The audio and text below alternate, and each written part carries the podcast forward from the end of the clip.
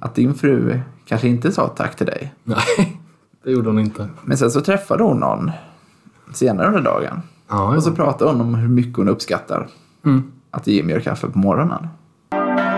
Hur tänker du om det? Hur mycket tänker du på döden? Eh, Jag tänker ganska mycket på döden.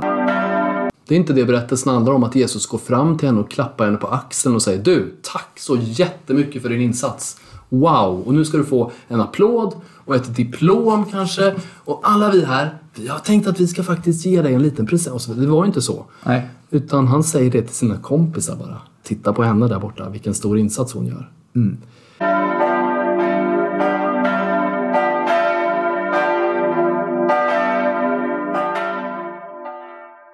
Klockan ringer in till det 19 avsnittet av Lillhällsmål.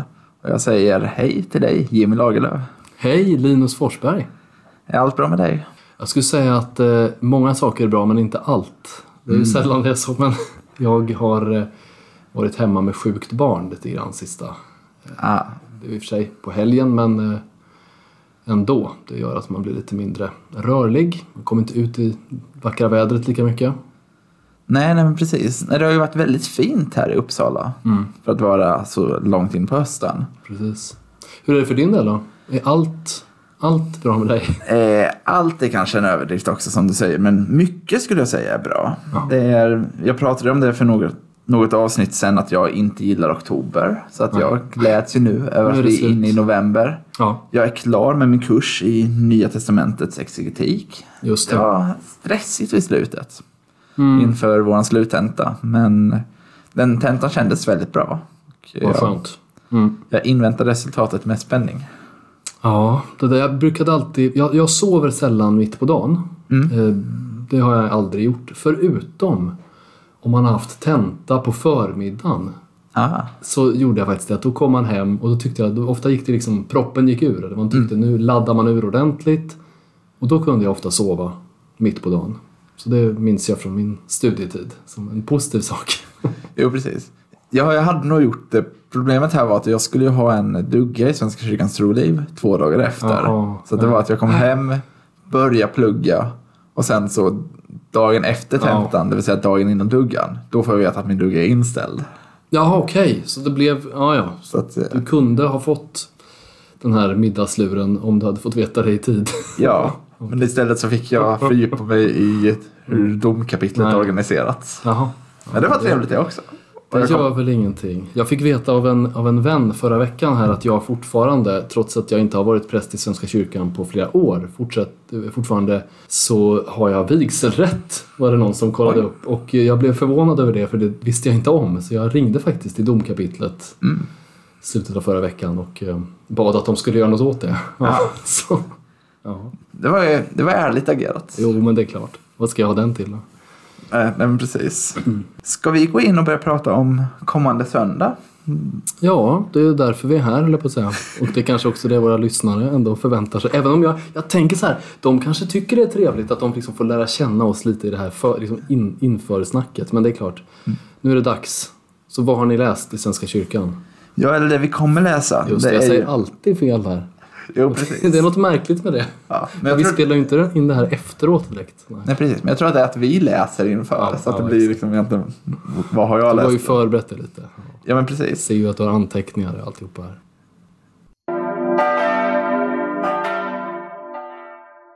Och vi har ju en väldigt spännande söndag för att nu på lördag så firar vi ju Alla helgons dag. Mm. Men på söndagen blir det då söndagen efter Alla helgons dag som har temat antingen Alla själars dag som vi kanske kallar det mer i folkmun eller så är det Vårt evighetshopp som är Hmm. under rubriken. Ja. Och då läser vi från Lukas evangeliet, det, det tolfte kapitlet, verserna 4-7. Mm. Och det här Jesus egentligen kort sagt säger åt lärjungen att inte oroa sig över det som bara kan döda kroppen, utan att man ska Mm. frukta det som faktiskt har makt över, över vår själ och vår, vår andlighet. Ja. Det som kan antingen skicka oss till himlen eller skicka ner oss till helvetet. Jag tänker på ordet frukta där. Minns man ju från sina teologistudier att det är många som reagerar på det ordet. Jo, Man ska precis. frukta Gud. Va? Och här är det verkligen så att Jesus säger att vi ska göra det till och med. Va? Mm. Frukta inte det där, men frukta Gud. Ja. Ja, men precis. Och där är ju precis fruktade makten. Generellt sett brukar vi prata om fruktan som så här att vi ska känna fruktan för att inte göra Guds vilja snarare än att vi ska Mm. frukta De Gud. ju en ny, eh, det finns ju en bibelöversättning som heter Folkbibeln. Ja, precis. Och senaste versionen av den, där skrev man inte gudsfruktan utan man använde ordet vördnad istället. Och det är både och det där. Alltså det är klart, för, för några kan ju det vara tydligare. Men, men eh, fruktan, det är, det är ett speciellt ord tycker jag. Ja, det, det får nästan bli en hel podd för sig själv. Ja, vi sparar det. Ja, precis. Jag tror att vi båda har mycket åsikter om, om det användandet. Okej. Men det jag tänker att det här leder in oss på, det är ju ämnet döden. Som ju också är väldigt aktuellt kring alla helgons dag, kring alla själars dag. Och det jag vill, tänkte att vi skulle kunna ha ett resonemang kring, det är lite hur vi kristna pratar om döden. Okej. Där jag känner att det finns, man kan ta väldigt många olika spår och där jag ibland kan tycka att vi hamnar lite i olika former av ytterkanter. Mm. Att antingen så hamnar vi i, vad ska man säga, det kanske väldigt sekulära perspektivet att vi fortfarande liksom pratar om döden som någonting liksom läskigt, någonting obehagligt, någonting vi inte riktigt vet någonting om, har kontroll över. Nej. Eller så hamnar vi i den andra ytterkanten. Det vill säga att vi inte alls bryr oss om döden. Det är verkligen att döden är, döden är ingenting. Ja. Att vi känner sån tilltro till att men vi, har blivit, vi har blivit räddade från döden. Vi har, vi har fått det eviga livet. Och då finns det ingenting att frukta och det är nästan i princip konstigt att det fortfarande finns en dödsfruktan. Okej. Mm. Mm. Och frågan är om någon av de här ytterkanterna är särskilt bra. Det har jag gått runt och tänkt på lite inför den här inspelningen. Om vi går runt och helt känner liksom det jag kallar sekulära fruktan. Mm. Då kan man då fråga sig, tror vi på löftet vi fick vid uppståndelsen? Att vi blev friköpta. Men å andra sidan, om vi då går till att vi inte alls behöver tänka på det. Då är frågan om vi skapar en exkludering bland kristna som ändå tänker kring döden. Och det, jag minns att jag någon gång samtalade med en, en kristen vän som just sa det att det känns nästan som att man som kristen inte får uttrycka någon tanke om döden. Att det liksom nästan har blivit lite, det är nästan lite skamfullt att säga ja, men jag känner ändå en viss oro eller jag, jag vet inte riktigt vad som väntar. Nej. Vad intressant. Du vet att jag läste i en barnbibel en gång eh, när de berättade berättelsen om Kain och Abel. Då. Barnbiblar funkar ju alltid så nästan att man tolkar. Man liksom förklarar bibeltexten genom att tolka den. Eh, och det behöver man ju vara medveten om när man läser en barnbibel. Men där stod det i alla fall då att Adam och Eva blev ledsna när Abel dog. Men så stod det den här formuleringen. Men det behövde de inte vara. För han var hos Gud. Och jag tycker att eh, det är ett märkligt sätt att närma sig att man sörjer någon som man inte har i närheten. Att du behöver inte vara ledsen. Nej, men jag är ju det. Ja. Sen är det så här, för mig, eller det är inte fruktbart för mig att tänka att jag vet att jag kommer till himlen. Det som kallas för frälsningsvisshet i vissa sammanhang. Att jag vet att jag kommer till himlen. Utan jag är på väg dit, är, är min bild av det. Va? Jag uppfattar att det är en pilgrimsfärd, en, en, en, ett äventyr, en vandring. Jag är inte färdig. Jag har inte fått en biljett där det står du, vad du än håller på med, var, hur livet än blir, så kommer du till himlen. Jag, jag har inte fått något sånt av, av Jesus. Utan jag har lärt känna början av vägen, tänker jag. Va? Ehm, Så för mig, döden är, väldigt allvarsam. Och jag, när jag blev kristen så behövde jag fundera mycket på vad händer när man dör? Och det tycker jag är nyttigt att man gör. Att man liksom har, inte bara för sig själv, utan måste man tro på ett visst sätt? Eh, måste man göra vissa saker? Alltså vad är det som gör att jag skulle få komma till himlen? För jag, om jag förstår att det finns en himmel, då vill jag ju veta hur man ska göra eller vad, vad som är vägen dit. Ehm, och det där, det blev en stor sak i i liksom min, min när, mitt närmande till den kristna tron, att försöka reda ut det för mig själv. Och det tycker jag all, alla troende behöver ha någon typ av fundering kring hur man uppfattar det där, de här, så att säga, yttersta frågorna. Och sen tänker jag på, på en sak till utifrån det som du sa nu och det är ju att jag tycker att himmelriket och vägen dit, alltså det är som ledstjärnan i mitt liv. För mig personligen så lyser vetskapen om vart jag kanske är på väg. Det lyser upp allting. Och relater, jag relaterar gärna varje sak som händer i mitt liv till evigheten. Och det gör att allt som händer får ett annat ljus, ett annat perspektiv. Ja. Så döden, eller livet efter döden, är väldigt närvarande i mina, i mina tankar tycker jag. Hur tänker du om det? Hur, hur mycket tänker du på döden? Eh, Jag tänker ganska mycket på döden och jag tror att det jag vill åt med det här är kanske lite av det vi nu samtalar om. Att någonstans hitta vad kan, vad kan finnas mellan att liksom känna en total ovisshet mellan döden och den här säkerheten som, som vi pratar om. Så att, För den här säkerheten kan ju ibland också mynna ut i om en, varför ska vi vara ledsna för att en person dött. Vi vet ju att den är hos Gud, som du, som du själv sa. Jag tänker att det är klart vi måste kunna vara ledsna. Det är klart vi måste kunna sörja, känna saknad. Ja. Men samtidigt ska vi kunna vara trygga i att det finns, det är liksom, döden är inte ett liksom abrupt slut och döden är inte liksom slutstationen. Och att kunna, kunna balansera de där två sakerna. Det tror jag är jätteviktigt både, som du säger, liksom för en själv, i samtal mellan kristna, men också vår roll ute i världen när vi träffar människor som hamnar i sorg. Jag tänker bland annat om jag som utbildar mig till att bli präst i Svenska kyrkan, när jag kommer komma i kontakt med folk inför begravningar. Ja. Att just kunna stå på båda de här benen. Att både förstå sorgebenet, förstå liksom oron, men också kunna peka på att det här är inte slutet. Men det beror ju också på hur man ser på det. Va? Du kommer ju möta massor av människor som inte har en medveten gudsrelation. Och eh, de kanske inte vill prata med dig om, om det. Eh, men du behöver ha någon idé om vad du tänker. Om du ska stå och hålla ett griftetal vid en begravning där du uppfattar att den här personen ehm, delade inte min kristna tro. Alltså du behöver förhålla dig till det på något sätt. Sen finns det kanske många olika sätt att göra det på, det tror jag verkligen. För mig, mitt förhållningssätt var på den tiden som jag var präst då, det var att jag alltid i varje grifttal jag, jag hade la in passusen att vi behöver be för den här personen som är död. Och det gjorde jag utifrån min katolska tro som jag redan då hade ett frö till.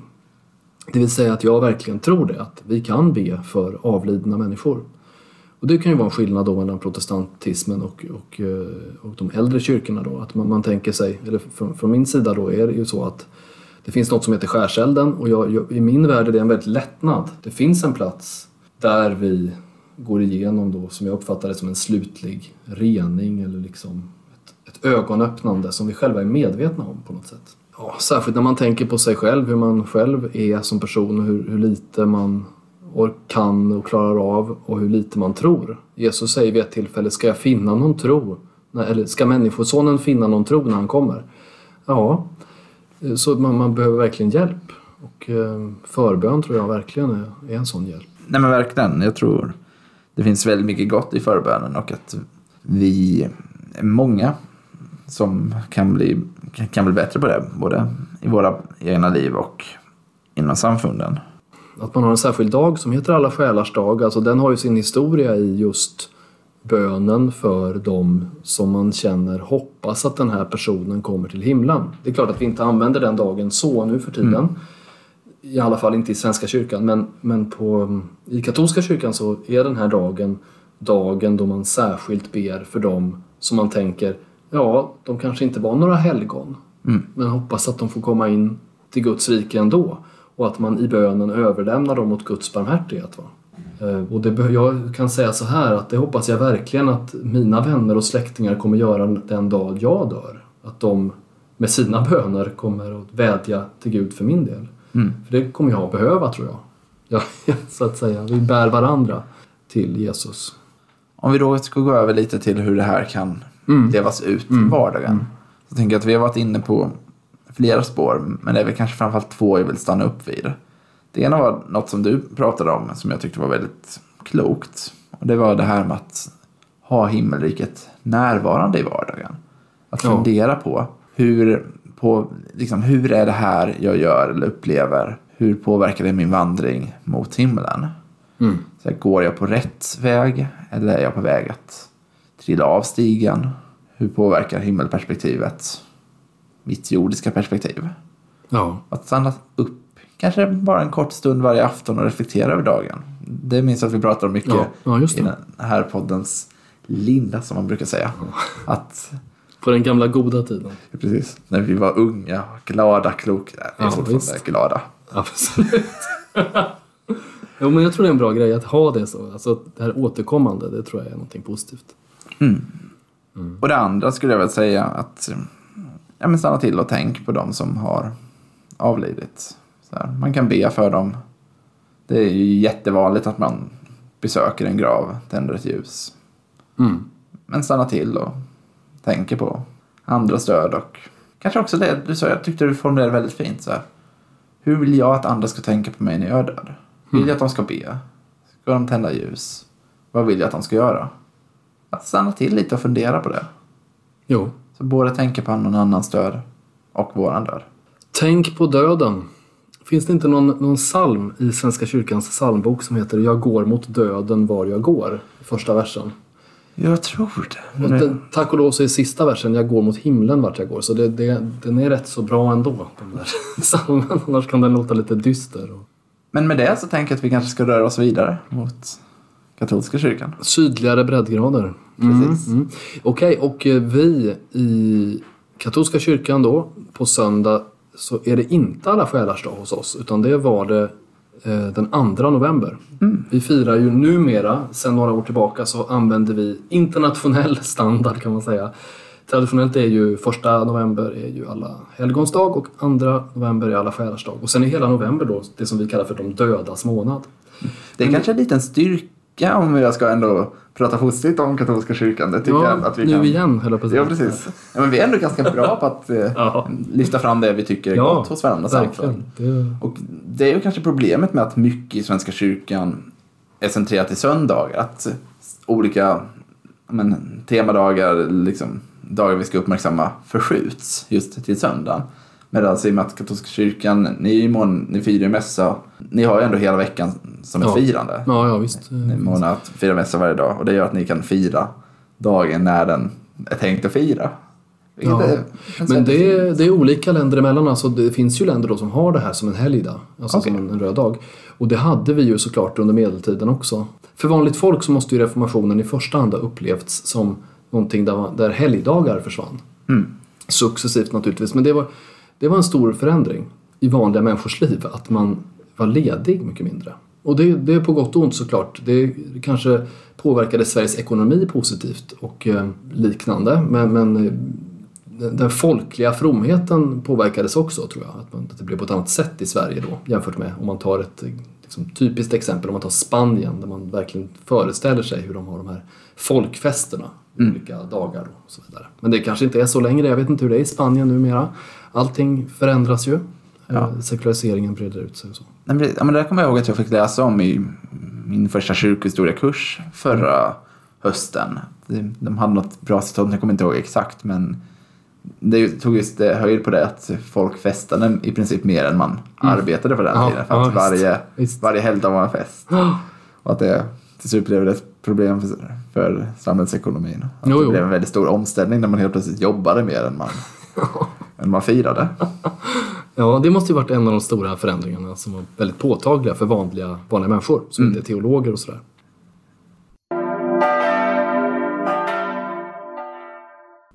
Eh, Men, men vi, då, vi ska då läsa, fortsätta från Markus som vi ju har läst ett tag. Eh, Och Markus evangeliet kapitel 12, vers eh, någonstans 44. Där någonstans är vi.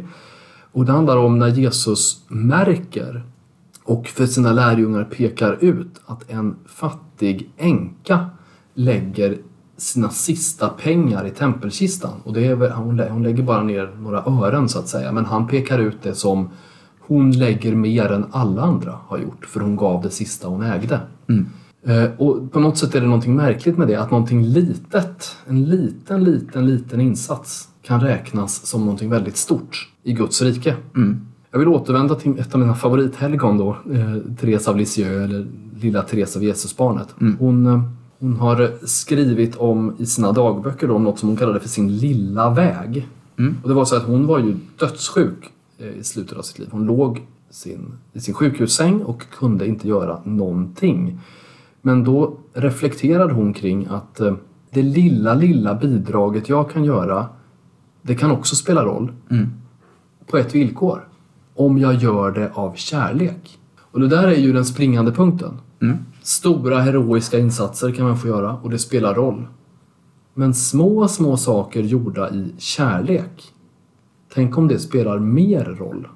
Ja, för Jesus verkar det ju som det. Han pekar ju ut den där lilla, lilla eh, händelsen att hon lägger några, några ören då i tempelkistan och så säger han hon gav mest av alla. Och det gjorde hon ju inte. Hon gav ju kanske minst av alla, så att säga i pengar räknat. Men han tyckte det var det här offret som hon gjorde. Kärleksgärningen. Och det är svårt att komma på. Jag tycker man själv, det är då det, är då det märks att man inte är något helgon tycker jag. Om du förstår vad jag menar. Vad gör man för saker av kärlek? Man är så ofta beroende av att få ett tack. Jag vet inte om du känner så, men jag, jag kan tänka det att nu har jag laddat kaffebryggaren åt min fru. Jag dricker ju själv inte kaffe på morgonen, men min fru gör det. Nu har jag laddat den, idag igen. Ska hon säga tack? Nej. Förstår du vad jag menar? Man, Ja, man blir, oh ja. sån där blir man ju. Och det där tror jag är på ett sätt livsfarligt. Nej men verkligen. Nej, men du, jag tror att du är helt rätt på det. Att, här, vi vill ha betalt för det vi gör på något sätt. Det behöver inte vara pengar, men det kan vara ett tack, en gentjänst, liksom, någonting. Mm. Men att göra någonting utan att räkna med någon form av betalning. Nej, och jag menar okej, då kanske någon säger så här, jo, jo, men hon blev ju sedd av Gud här. Hon blev sedd och uppskattad. Ja, fast hon fick inte höra det. Nej. Det är inte det berättelsen handlar om, att Jesus går fram till henne och klappar henne på axeln och säger Du, tack så jättemycket för din insats. Wow! Och nu ska du få en applåd och ett diplom kanske. Och alla vi här, vi har tänkt att vi ska faktiskt ge dig en liten present. Och så, det var ju inte så. Nej. Utan han säger det till sina kompisar bara. Titta på henne där borta, vilken stor insats hon gör. Det tycker jag också är, det, det kan störa också mitt ego. Va? Att jag tycker att, men vad då? Ska man inte få, ska man inte få cred för det man gör? Va? Det kan jag tycka är jätteviktigt. Man, man kan känna på jobbet också att man har gjort en insats och sen är det någon annan som får ta credden. Va? Förstår du vad jag menar? Att, Japp. Bra jobbat alla ni här på kontoret och så tänker man, det var ju jag som gjorde det. Eller för någonting va? Det känns inte kul. Samtidigt tänker jag att, eh, att jag tänker att på samma sätt som att den här kvinnan inte fick höra det själv, men lärjungarna fick höra det. På samma sätt kanske det är oftare i vårt liv än vad vi tror. Mm. Att din fru kanske inte sa tack till dig. Nej, det gjorde hon inte. Men sen så träffade hon någon senare under dagen. Ja, Och så pratade hon om hur mycket hon uppskattar Mm. att Jim gör kaffe på morgonen. Det, alltså du, bara tanken på det gör mig ju faktiskt glad. Ja, Även om jag inte vet om det är så eller inte så skulle det... Ja, precis. Men det är ju därför att man, man, vill, ha, man vill ha cred. Va? Mm. Men jag håller med, och det kanske man får också på något sätt. Så det var någon någon gång som sa så här att... Eh, jag tror att det var... Åh, jag undrar vem det var. Nu kommer jag inte ihåg. Men hon sa så här i alla fall att... De gånger jag funderar på, ska jag göra den här goda gärningen eller inte? Då tänker jag... Ja, men jag får en, en ytterligare diamant i mitt hus i himlen. Så därför gör jag det. Jag, vet inte, jag vet inte alls om Gud har lovat det till någon. nej. Nej, det vet jag inte. Men det jag tänker på som ett tips som man kan ägna sig åt då, det är faktiskt att öva sig på att inte vilja ha cred. Kärlek handlar inte om att längta efter belöningar. Kärlek gör man ändå. En kärleksgärning gör man ändå. Och eh, då tänker jag så här. Eh, det finns ett sånt fint exempel, du vet. Man är på ett café och man betalar för sin kaffe och sin bulle. Men sen säger man så här till den som står i kassan. Jag betalar dubbelt så att nästa person får sin kaffe och sin bulle gratis. Men säg inte det till någon. Där kan jag bli lite inspirerad att göra sådana saker ibland. Är det ditt tips för hur vi ska leva ut? Ja, det är det. Ja, och med det så tänker jag att vi kanske ska avrunda det här 19 avsnittet och ta med oss alla tips in i slutet av veckan och Ja. början av nästa vecka fram till nästa onsdag då vi är tillbaka. Men tills dess så säger vi tack och hej då. Tack och hej då.